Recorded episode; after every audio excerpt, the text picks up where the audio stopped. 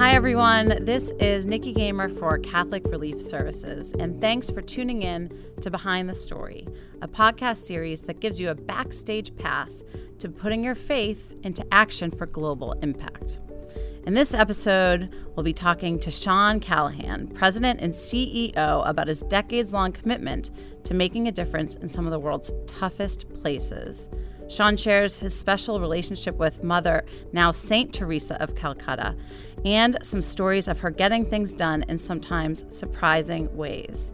And Sean will be talking about his bold new vision for the future and about being at the precipice for creating transformational change for the world's poorest people.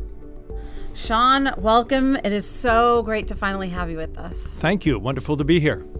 All right, before we talk about what the future holds, I was hoping we could talk for a few minutes about some of your experiences.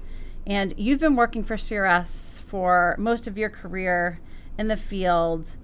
I don't know how you would choose what to highlight, but tell me when you think about your career at CRS, what stands out? Well, certainly working with Mother Teresa and, and some other Nobel laureates like the Dalai Lama and uh, Desmond Tutu and Oscar Arias and people like that. But Mother Teresa, I spent several years working with her in Calcutta, and she was always very bold and wanted us to be bold in what we do. And so one of the occasions she called me up and said, uh, We need some trucks uh, and supplies to go to Bangladesh. And I said, I can get you the supplies, but I can't send them to Bangladesh because they were sent for India and we need permission from the government. So she said, What do I have to do? And I told her, and so she said, Meet me at two o'clock. So I loaded up the trucks, got down there at two o'clock, and there's mother waving these pieces of paper and saying, Let's go. But she did something strange. She had six sisters with her and put one sister in the first six trucks. And I thought, well, that's a little strange, but if mother wants to put a sister in the truck, great. It turned out I found later that when they got to the border, there were a thousand trucks. And as they got to this line of trucks, the, the first truck was going to pull behind the other ones. And he looked over at the sister, and the sister gave a hand motion, just said, keep going. And he looked at her again and she did it again, said, Keep going. So he passed the trucks and the other trucks followed him and they went down a little ways. And then the other truckers stopped them and started pulling out the driver because he was cutting in line and they were a little bit upset. And he pointed over at the sister and then they all got out of the truck and just waved them through. And so Brilliant. there it goes. So one of her first miracles, you know? Brilliant. I love it. How do you bring your experiences? To the vision you have for the next phase of our work? You know, I must say you stand on those who came before you, and I think the mission of CRS has just been an unbelievable mission. And I think we're now poised to do even greater things and reach to the next level. And, and, so when I talk about us trying to be bold, you know, I reflect on Mother Teresa. She never said there was something she could not do. It's just how do we get it done? The other thing that Mother Teresa always uh, taught me was humility we need to be a little bit humble in, in what we do. Is there a danger in being too humble? There can be a danger being too humble if we don't tell people the right way to do things. And what I mean by that is the reason why I've supported CRS personally, and I'm really proud of what we do, is because our development is the best way to do development. When we did HIV/AIDS programming and started out with with our programming in that area, um, we did some research and we went out there and we worked with the local communities. When the PEPFAR, the President's Emergency Program for AIDS Relief, when they did some investigation of which programs had worked the best, they looked at four organizations and we happened to be one, and our numbers were double the others. Now, they naturally thought, oh, this religious organization against these universities and these professional organizations, their numbers must be wrong. Well, they came back and found out that the numbers were right. And the reason the numbers were right was basically trust, that we had the trust of the local communities, and so they could change their behaviors. So, the fact that we're linked to those local communities gives us the credibility to do that. And so the church allows us to do that because it's so present throughout the world. And that humility that our staff has in working with those local communities and with the local church helps them become part of those communities. I was in Niger and took this bishop. And as we were going to these projects, he turned to me and he said, I can't tell the difference between the CRS staff and my staff. And I just turned to him and I said, Thank you, Bishop. Because that was the What a best compliment. compliment. Exactly. What's kept you at CRS? Why stay for decades instead of going to another organization? It, it's it's really kind of kind of funny as I look back. I always considered myself one of the young ones at CRS. You know, when I first came in as a as an intern back in the good old days, and now it's been 30 years. So over half of my lifetime, I have been with CRS. My aunt and uncle were both Maryknoll missionaries, and so I grew up on the old slideshows of Maryknoll missionaries clearing landing strips in the you know highlands of Guatemala and things like that. And I felt that calling and all at different times, but I didn't think that there was a place for a layperson. And so seeing it in CRS, seeing the contributions we could make, and the job never stays the same because the world is constantly evolving. And in CRS, you can progress to different ranks, but each country you go to, each community, it's like being a cultural anthropologist. You have to figure out how to solve the next problem. And we have fantastic staff. You just learn from them every day, and it's really motivating to see the commitment that they have. Seeing people come out of complete destruction and holding their heads high and having that dignity, I, I thought other people need to know this, and we need to continue to support that. And so that really touched me and has kept me with CRS these 30 years now. Let's talk for a minute about your faith and what faith meant to you before starting at CRS and how maybe your faith has even evolved over time. As I mentioned before, my aunt and uncle being uh, missionaries and all, it was kind of part of the family. So you always contributed to the church and you always did the church, and it was part obligation and part who you were that we went to church, you know, every week. And of course, the priests loved us because they, they could get uh, the Callahans there for 7 a.m. Mass, and they had the three boys would be out there being altar boys because there's six in my family. So, you know, good Irish Catholics. But then actually, I saw my faith in a different way, and it was really living my faith as opposed to being of a faith. And so with CRS, I see that we live that faith every single day, and we see others living it, seeing that we can live our faith in many different countries and with many different people, and that we're not alone. And it's just not those Irish Catholics, but it's those Hispanic Catholics and those African Catholics and those American Catholics, and we have one bond, one unity to move things forward. And what I didn't know about CRS is that it's in so many non Catholic uh, countries and it's across the Middle East. And even despite that, there is a lot of uh, solidarity. That's one of the things I'm most proud of as CRS.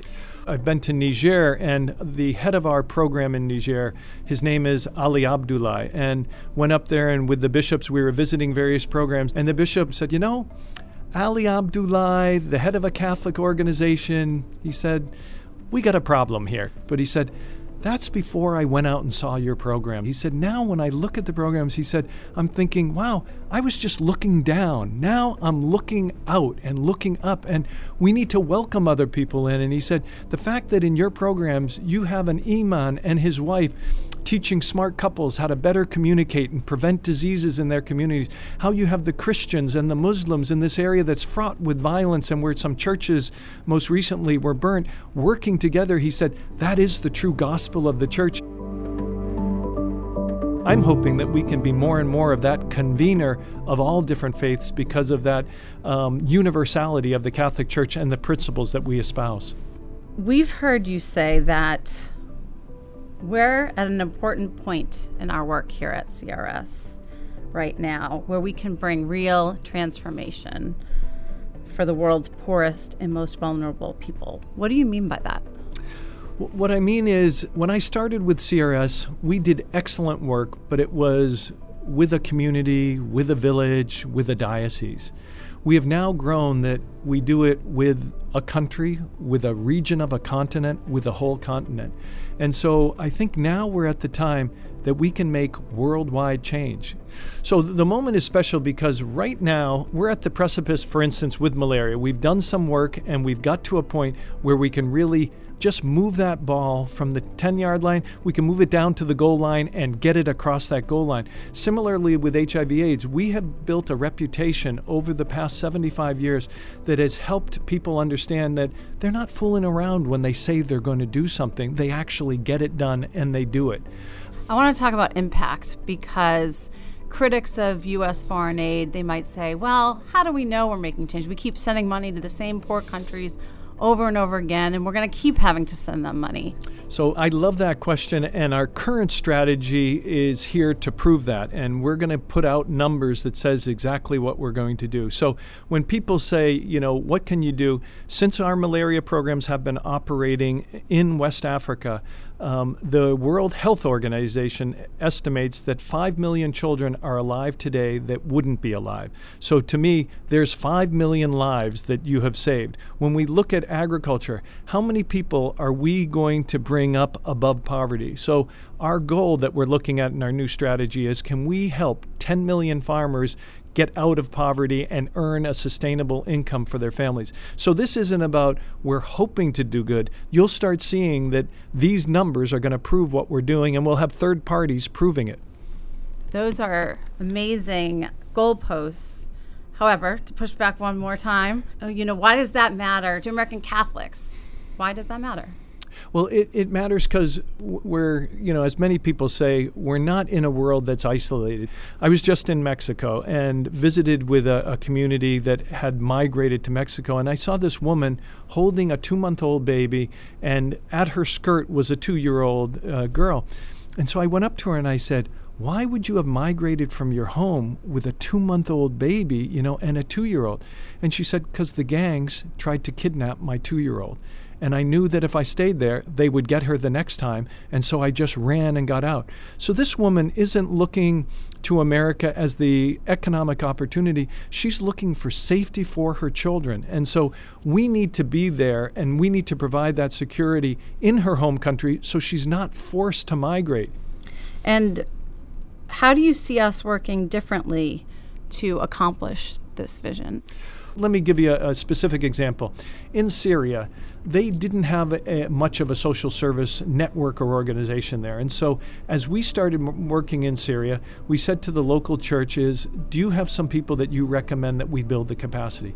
And we started off with one group. And to be honest with you, that group didn't hang on and they wanted to leave the country and they left. And we did it with another group and they didn't stay either and they left. And then we got this third group and now they're staying and they're building up. So, it's not that it works the first time when you try to do this, but we had the commitment along with some of our other partners, and we work with Catholic agencies around the world from Europe and from Oceania and from Africa and other places, all together trying to build the capacity of these local partners. And so once you build those capacity, then it's continuing to elevate their level. And we see now in the United States, when you go to the various parishes, and, and my parish, I've had a Cameroonian and a Kenyan priest in, in my diocese. And so they're now, the people that we were building the capacity, coming back and giving back to us in the form of, you know, priests and religious communities.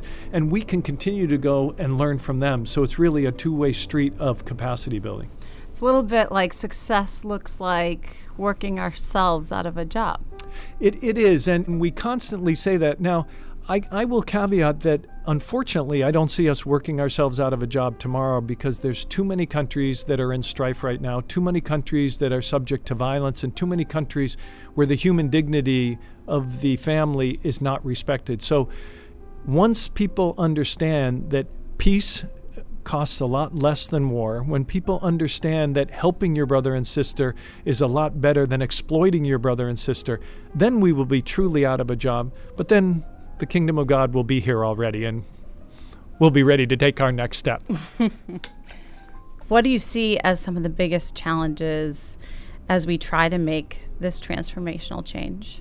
The first challenge is in the United States. We are very busy people, very generous, generous people, but also very busy. And it's to convince the people in the United States that it is worth it for them to invest in their brothers and sisters overseas. I'd say the second one is internationally, a movement for peace that we really have to assist as we can as Americans and as universal and global citizens is stopping the wars or preventing wars that are going to happen because war ends up setting back the time clock on development for all these different people that's why in our new strategy not only do we have these ambitious goals moving forward but we also want to interject peace building and nonviolence into everything that we do. Mm, and social cohesion. Social cohesion, building and binding these people and strengthening their capacity. We want communities to be together.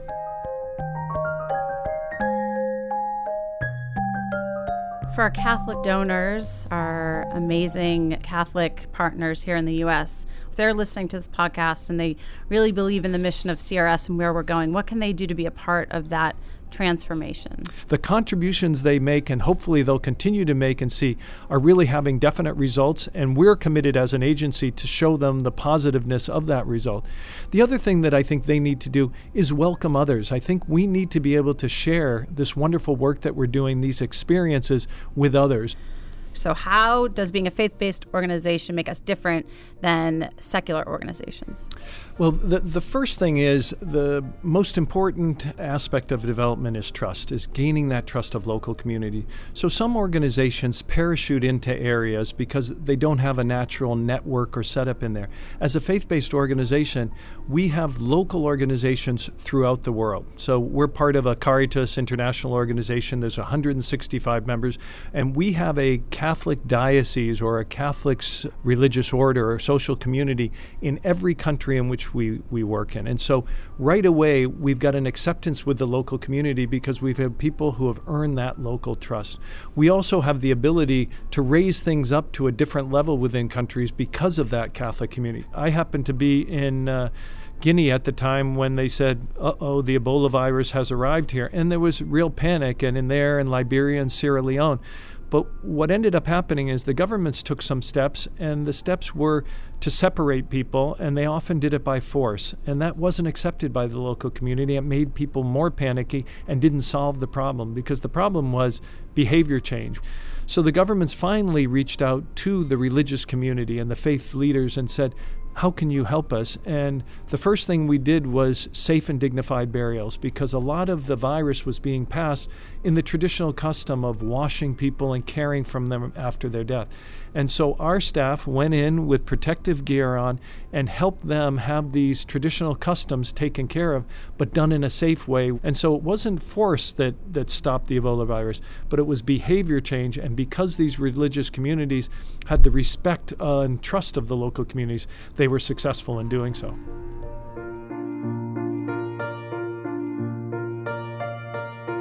you really can see that this work impacts you in a really deep way. What does this job mean to you? I always kind of reflect and, uh, you know, I think about things before I'm going to say them, so I try not to get emotional. But, you, you know, as I see the faces of these little children, think of my own kids and things like that, and think, you know, what should I be doing? What can I be doing? These children around the world aren't some foreign kids. They're a gift from God, and we need to play that role in helping those lives thrive. And so I personally see each one of these as one of my own children, and that we need to do something to make sure that they have that safe opportunity like I would for one of my own biological children. What does your wife or your kids think about the work that you do? And you must travel so much that you might not see them as much as you'd like. I think my my family on the one hand kind of curses the work I do because because I'm away, but we're blessed in the United States to have a relatively easy life. But I've also been blessed that my daughter was able to spend a summer with the Missionaries of Charity in Calcutta, working in their centers. My wife has been out to visit the programs, and my son, because my wife is from Calcutta, that's a second home to him, and he'll be going back this coming summer. So they need to be able to see and experience and see that they're not just an Irish American from this little town in the United States, that they're actually a citizen of the world. And so when they hear about our work and they see it, they don't like me being away, but they do love the work that we're doing. Sean, what do you see as the next frontier? I really think uh, the, the next frontier is ensuring a peaceful world in where we work. And so, really building on that peace and reconciliation in the different countries and stopping wars before they start. Because after a war, it takes 10 years to recoup to the same level and 20 years to get any development. So, for us to be successful in the future, we can't respond to wars. We have to be there to prevent the wars. And so, we need to do more in the advocacy, more in mobilizing people in the United States, more in using our influence to not allow the Syrias and the Iraqs works to happen. We're lucky at CRS uh, to be able to do the work that we do and to work with the people. I just invite others to join with us in this work because I think once they feel what we feel and once they see what we see and once they know the people that we know, it can't help but enrich their lives and then they can't uh, help but assist these people in a new way that will make the world a better place for their children and ours. Well said. Thank you. Sean Callahan, it has been a real pleasure. Thank you for sharing this with us. Pleasure's all mine. Thank you. As you've heard, behind every CRS story are the people who put faith into action to help the world's poorest people create lasting change for themselves and for their communities. Sean, he is certainly one of those people, but there are thousands of other stories like his, and we want to share them with you. Thank you so much for listening.